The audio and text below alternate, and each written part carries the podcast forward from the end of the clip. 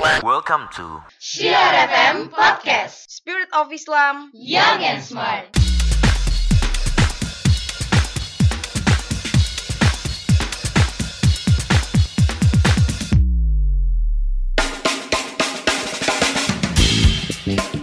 Assalamualaikum warahmatullahi wabarakatuh.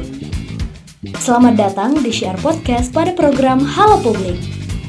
Halo Publik akan membahas topik-topik yang ramai di tengah masyarakat dengan menghadirkan tokoh-tokoh yang kompeten pada setiap bidangnya.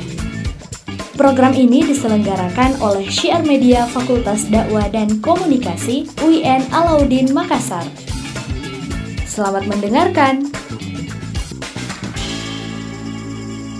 Assalamualaikum warahmatullahi wabarakatuh. Halo Sobat Syiar, kembali lagi bersama saya Lutfia Firdausia tentunya dalam program Halo Publik. Nah di episode kedua Halo Publik ini kita akan membicarakan mengenai situs web wedding organizer yaitu Aisyah Weddings Yang situs webnya itu terlihat seperti menyerukan pernikahan dini di mana situs ini menyebutkan angka atau umur yang berkisar dari 12 sampai 21 tahun untuk melakukan pernikahan. Nah sekarang kita akan membahas itu secara lebih dalam tentunya oleh tokoh yang memang kompeten pada bidangnya. Langsung saja kita sapa. Assalamualaikum warahmatullahi wabarakatuh Ibu Rosmini. Waalaikumsalam warahmatullahi wabarakatuh. Kesibukannya uh, saat ini apa-apa saja, Bu? Ya, kesibukannya di kampus banyak Mm-mm. ya karena saya diberikan amanah sebagai ketua pusat studi gender dan Iya. anak Mm-mm. yang core-nya itu adalah pengabdian karena Oke. berada di bawah lembaga pusat penelitian dan pengabdian masyarakat. Mm-mm. Jadi ya kita selain berprogram kerja di dalam juga Mm-mm. berjejaring dengan pihak luar. Nah, tentunya Bu Rosmini sudah mendengar mengenai situs Aisyah Weddings ini. Nah, sebenarnya uh, apa yang pertama kali muncul di benak Ibu pada saat melihat ada situs uh, seperti ini, Bu, yang berkedok uh, wedding organizer tetapi ada penentuan angka umur di dalamnya dan itu tergolong masih dini atau masih anak-anak. Bagaimana, Bu, tanggapan Ibu soal ini? Saya tidak hanya mendengar, tapi juga beberapa kali membuka. Sayangnya saya tidak lagi, ketika saya membukanya sudah tidak lagi aktif web Mm-mm. itu, tapi masih ada beberapa yang bisa kita baca ya. Aisyah Wedding ini sebuah event organizer yang fokusnya tiga.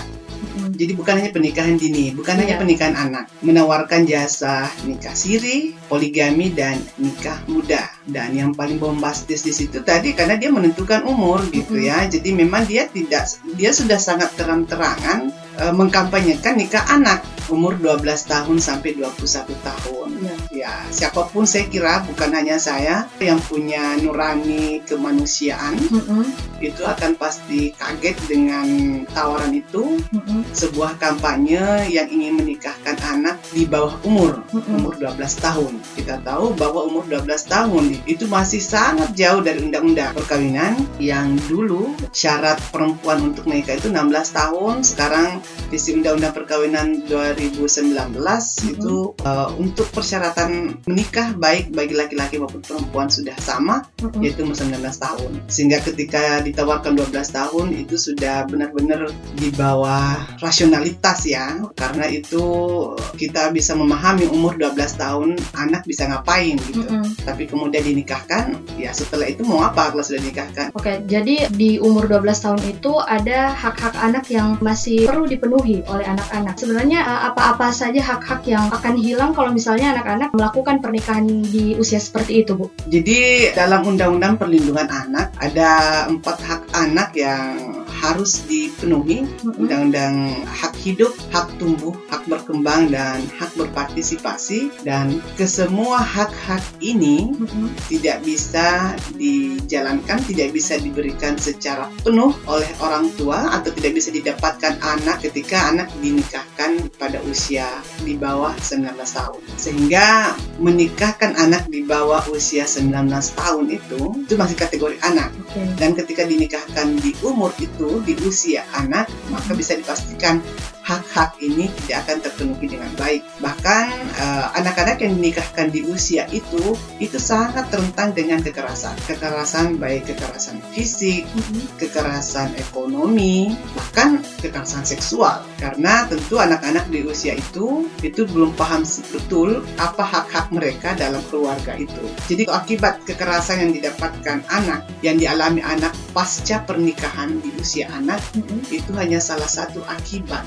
dari pernikahan anak itu dan masih banyak akibat-akibat yang lain. Oke, jadi uh, bukan hanya hak-hak yang tadi disebutkan oleh ibu, tetapi ke depannya tidak diketahui terjadi kekerasan-kekerasan lainnya pada Iya. saat melakukan pernikahan ini. Iya. Tetapi bu, uh, kan Aisyah Weddings ini yang bikin kita jadi kayak terpacu untuk mempercayai bahwa oh iya ternyata bisa untuk menikah di usia seperti itu karena sampai membawa dalil-dalil agama dan juga salah satu statement-statement mengenai persetujuan tentang situs Aisyah Weddings ini yaitu tentang pernikahan Aisyah dan juga Rasulullah Shallallahu Alaihi Wasallam yang dikatakan bahwa di situ Aisyah masih berumur 8 atau 9 tahun. Tetapi sebenarnya bagaimana konsep pernikahan di dalam Islam, Bu? Apakah memang ada uh, penentuan umur seperti ini dan seperti itu baru bisa melakukan pernikahan, Bu? Jadi memang di dalam Islam itu tidak ada batasan umur yang disebut baik dalam Al-Quran maupun dalam hadis sehingga kemudian pemeluk Islam ya menganggap bahwa karena tidak disebutkan umur berarti umur berapa saja itu sudah bisa dinikahkan yang penting sudah akil balik. Nah, sekarang kan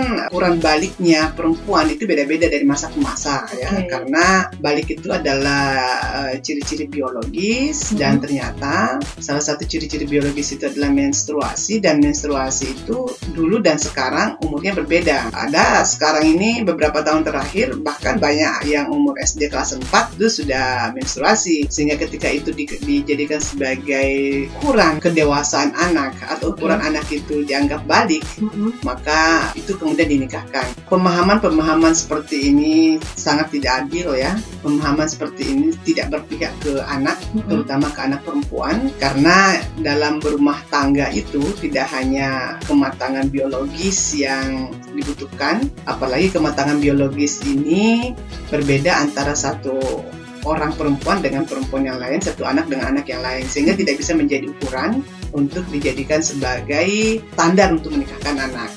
Nah, itu satu. Yang kedua, seperti tadi yang dia sebut bahwa yang menjadi dasar banyak orang untuk Ya. melangsungkan pernikahan anak itu adalah fakta pernikahan Rasulullah Shallallahu Alaihi Wasallam dengan istrinya Aisyah radhiyallahu anha putri Abu Bakar ya yang di dalam riwayat atau dalam satu riwayat dikatakan umurnya enam tahun dinikahi dan kemudian tidur atau berumah tangga bersama Rasulullah di umur 9 tahun. Ya, tidak bisa dipungkiri riwayat itu memang ada, tapi dalam kajian ilmu hadis tentu perlu dipahami apakah hadis ini memang sudah memenuhi standar atau status yang status sahih atau uh, memenuhi standar hadis yang bisa menjadi rujukan. Karena di riwayat lain ternyata tidak disebutkan seperti itu.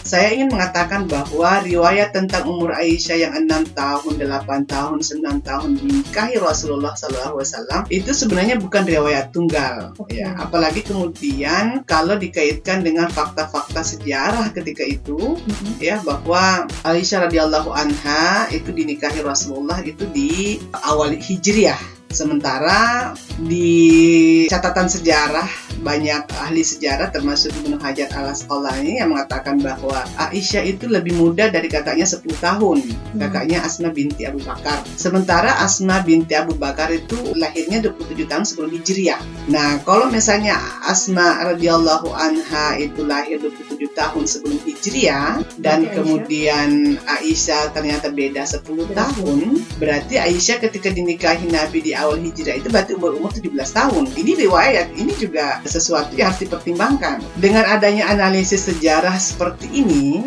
tentu ini menjadi pisau analisis kita dalam melihat riwayat-riwayat tentang usia Aisyah yang enam tahun itu paling tidak dengan adanya analisis sejarah seperti ini itu kemudian setidaknya membuat kita lebih arif untuk menerima apakah memang betul 100% bahwa Aisyah itu dinikahi pada umur 6 tahun ternyata tidak. Yang kedua dalam konteks kajian ilmu hadis bahwa yang meriwayatkan tentang umur Aisyah itu ternyata hanya satu jalur periwayatan. Hisham bin Urwah itu meriwayatkan hadis ini ketika Hisham itu pindah ke Irak di umur 71 tahun.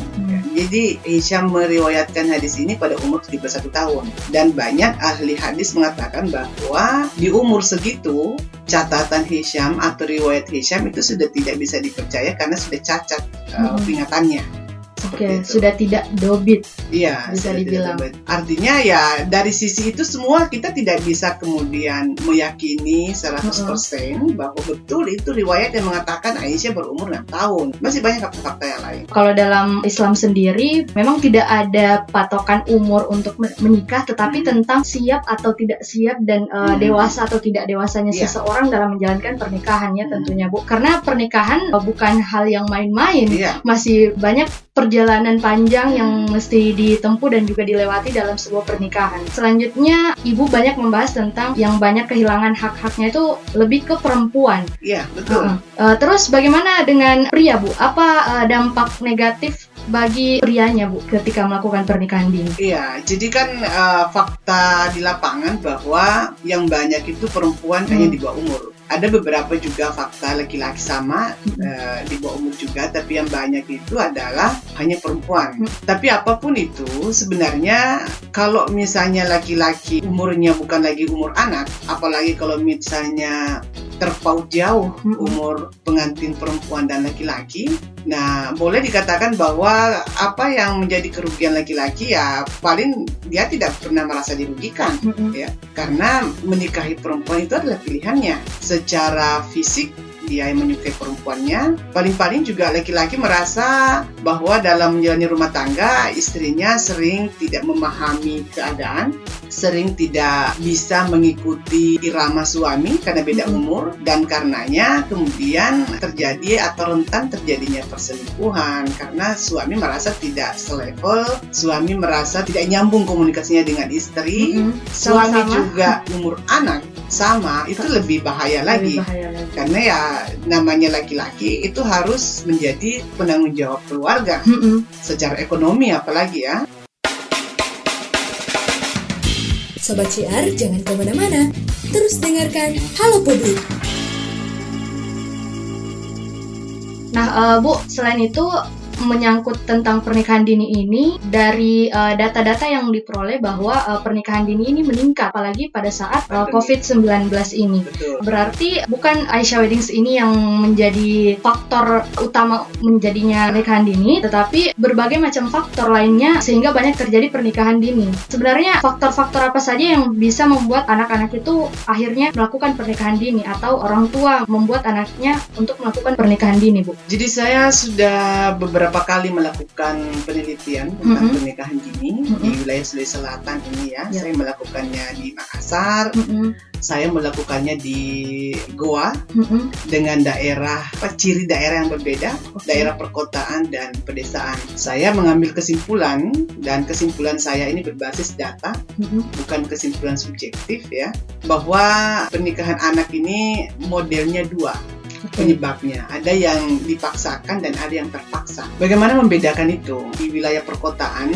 faktanya itu banyak yang terpaksa. Apa yang Hmm. saya maksud dengan istilah terpaksa ini, yaitu adalah anak-anak sudah mengalami sesuatu sedang terjadi dalam dengan dirinya, sehingga mau tidak mau pernikahan itu harus dilangsungkan. Beberapa pernikahan anak yang terjadi di wilayah perkotaan itu, bahkan bukan beberapa, banyak sekali, itu diakibatkan oleh si perempuan ini sudah hamil di luar nikah. Dan itu disebabkan oleh apa? Oleh pergaulan bebas. Mhm. Pergaulan bebas disebabkan oleh apa? Oleh media, gadget salah satunya. Ya, karena di gadget itu mereka bisa mendapatkan informasi tayangan yang bebas terkait dengan hal-hal pornografi sehingga mau tidak mau itu kemudian masuk merangsang dalam pikirannya laki-laki dan perempuan dan mereka kemudian tidak pikir panjang tentang masa depan. Mereka kemudian eh, melakukan hal-hal yang tidak sepantasnya lalu perempuannya hamil dan mau tidak mau harus, Harus nikah untuk menyelamatkan aib sosial keluarga. Sehingga saya di mana-mana ketika ditanya tentang bagaimana mencegah pernikahan anak. Itu saya bilang kampanye terhadap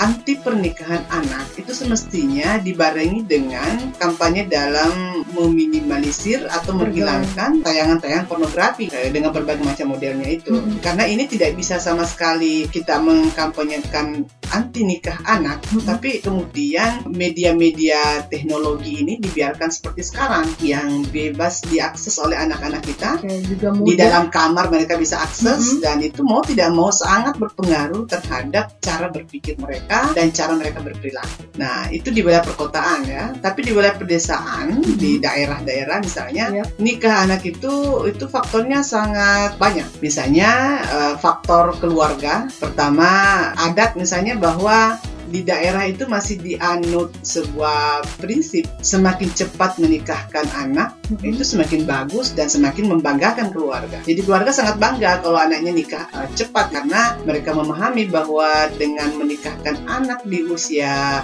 muda itu Mhm. berarti anak itu cukup laku ya dalam Oke. tanda petik. Itu intinya menjadi kebanggaan bagi keluarga tertentu. Nah, itu satu. Yang kedua, memang juga di daerah-daerah itu di- masih dipahami bahwa perempuan menikah di atas 25 tahun itu sudah bukan umur ideal. Bahkan dianggap umur 30 tahun itu umur tidak laku dan itu memalukan keluarga kan. Dan ini hal-hal yang sangat bias gender. Kemudian ada lagi prinsip bahwa eh, tidak usah disekolahkan anak perempuan sama dengan laki-laki karena perempuan biar bagaimana tinggi sekolahnya, tinggi titelnya, Mhm. tetap kembali ke dapur. Jadi lebih cepat dinikahkan lebih bagus. Belum lagi kemudian pikiran masyarakat daerah ya, masyarakat tertentu bahwa anak-anak ketika dinikahkan cepat maka tanggung jawab ekonomi orang tua juga tanggung jawab moral semakin cepat lepas dari orang tua akan beralih. akan beralih. Nah, pikiran-pikir seperti ini kan kelihatan bahwa orang tua ingin melepaskan tanggung jawab atau belum pada waktunya. Belum lagi kemudian dari aspek ekonomi. Banyak juga keluarga yang menikahkan anaknya di usia sangat belia, iya karena menganggap bahwa dengan menikahkan anaknya eh, sudah lepas tanggung jawab ekonominya Oke. karena ada suaminya. Iya. Persoalannya adalah fakta penelitian kami ternyata mereka melepas anaknya juga bukan pada laki-laki yang mapan. Sehingga yang terjadi kemudian adalah Kemiskinan yang terjadinya baru. kemiskinan yang baru. Terakhir Bu, karena tadi begitu banyak faktor-faktor dari pergaulan bebas di perkotaan juga Hmm. eh, adat yang masih kental di berbagai daerah. Lalu eh, apa upaya-upaya yang harus dilakukan oleh kita semua, baik itu pemerintah, orang tua, masyarakat dan dari eh, pribadi sendiri Bu? Iya, jadi memang berbicara tentang pernikahan anak ini, Hmm. memang kita tentu yang paling utama adalah bagaimana kita me- merumuskan pencegahannya. Karena kalau sudah nikah ya kita tinggal melakukan sesuatu yang bisa menyelamatkan anak itu. Yang paling mendesak ya, yang paling utama yang kita harus perbincangkan, rumuskan adalah bagaimana mencegah. Karena tentu mencegah lebih baik daripada mengobati ya. Jadi ya tentu dalam melakukan pencegahan terhadap kawinan anak itu adalah tugas kita semua, baik itu pemerintah, ya, tokoh masyarakat, tokoh pendidikan, ya, dan anak itu sendiri tentunya. Misalnya kita di pemerintah ya tentu harus melakukan upaya-upaya sistematis melakukan kampanye ya dengan perangkat-perangkat pemerintahan yang dimiliki sampai ke tingkat desa. Bahkan sebaiknya ini juga masuk program-program desa. Tiap desa harus memiliki program kampanye anti perkawinan anak.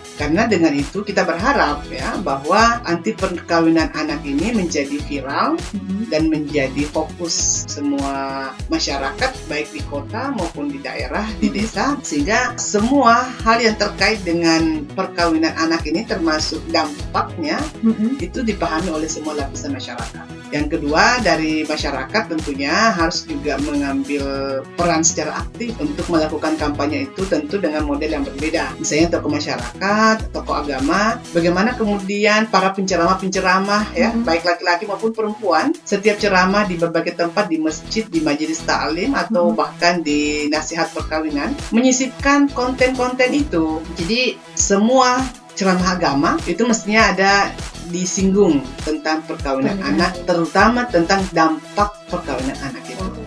Nah ini kan tidak, yang terjadi tidak, malah banyak orang, Hmm. banyak ustadz ustazah yang kemudian mengkampanyekan tentang atau mengkampanyekan ya tidak menyinggung itu bahkan menganggap hal itu biasa-biasa saja. Nah ini juga menjadi persoalan ya Hmm. kan, sehingga saya kira kalau misalnya pemerintah, tokoh agama dan tokoh masyarakat betul-betul bersinergi dalam mengkampanyekan anti perkawinan anak ini, Mhm. terjadi yang perkawinan anak itu bisa ditekan. Nah, kita di kelompok tokoh pendidikan tentu tugas utama kita adalah ya bagaimana melakukan uh, kajian mendalam baik dari sisi doktrin agama ya ataukah dari sisi dampak kesehatan Mm-mm. kita bisa melakukan kajian-kajian supaya hasil kajian kita, hasil penelitian kita itu bisa dinikmati oleh masyarakat terkait Oke. dengan dampak-dampak uh, Dari perkawinan anak ini.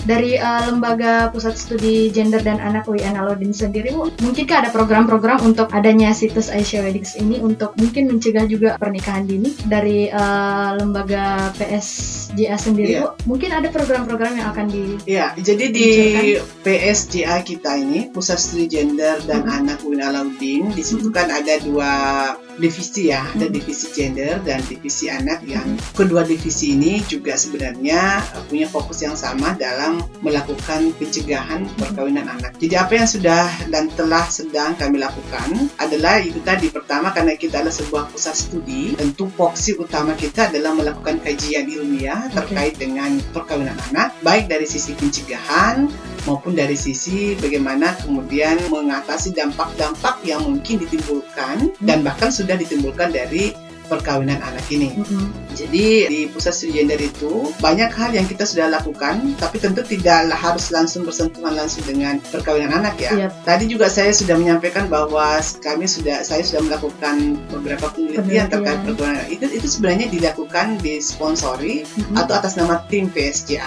Hmm, gitu. oke. Dan kita juga berjejaring dengan pihak eh, KPPA Sulawesi Mhm. Selatan, Oke. Komnas Perempuan Mm-mm. untuk bagaimana sama-sama mengawal kampanye anti perkawinan anak ini. Oh, jadi uh, sudah ada upaya-upaya langsung dari Iya. PSJA sendiri secara tidak langsung walaupun tidak uh, fokus pada pernikahan Ya, anak. karena perkawinan anak itu hanya salah satu masalah anak. Oke. Kita di PSD itu banyak sekali yang Banyak kita sekali. tangani Mm-mm. terkait dengan masalah-masalah anak. Baik, terima kasih Bu Rosmini sudah uh, bersedia hadir di Halo Publik uh, episode kali ini. Sehat selalu Bu dan terus Amin, sukses uh, untuk kesibukan-kesibukannya. Nah, uh, Sobat Share itu tadi uh, perbincangan-perbincangan kita oleh salah satu uh, kepala Pusat Studi Gender dan Anak UIN Alauddin Makassar. Semoga apa-apa yang disampaikan oleh Bu Rosmini menjadi ilmu baru atau membuat kita lebih perhatian kepada masalah tentang uh, anak ini. Jadi semoga sobat share semua bisa mendapatkan ilmu-ilmu dari Halo Publik episode kedua ini. Uh, saya Lutfia Firdausia pamit undur diri.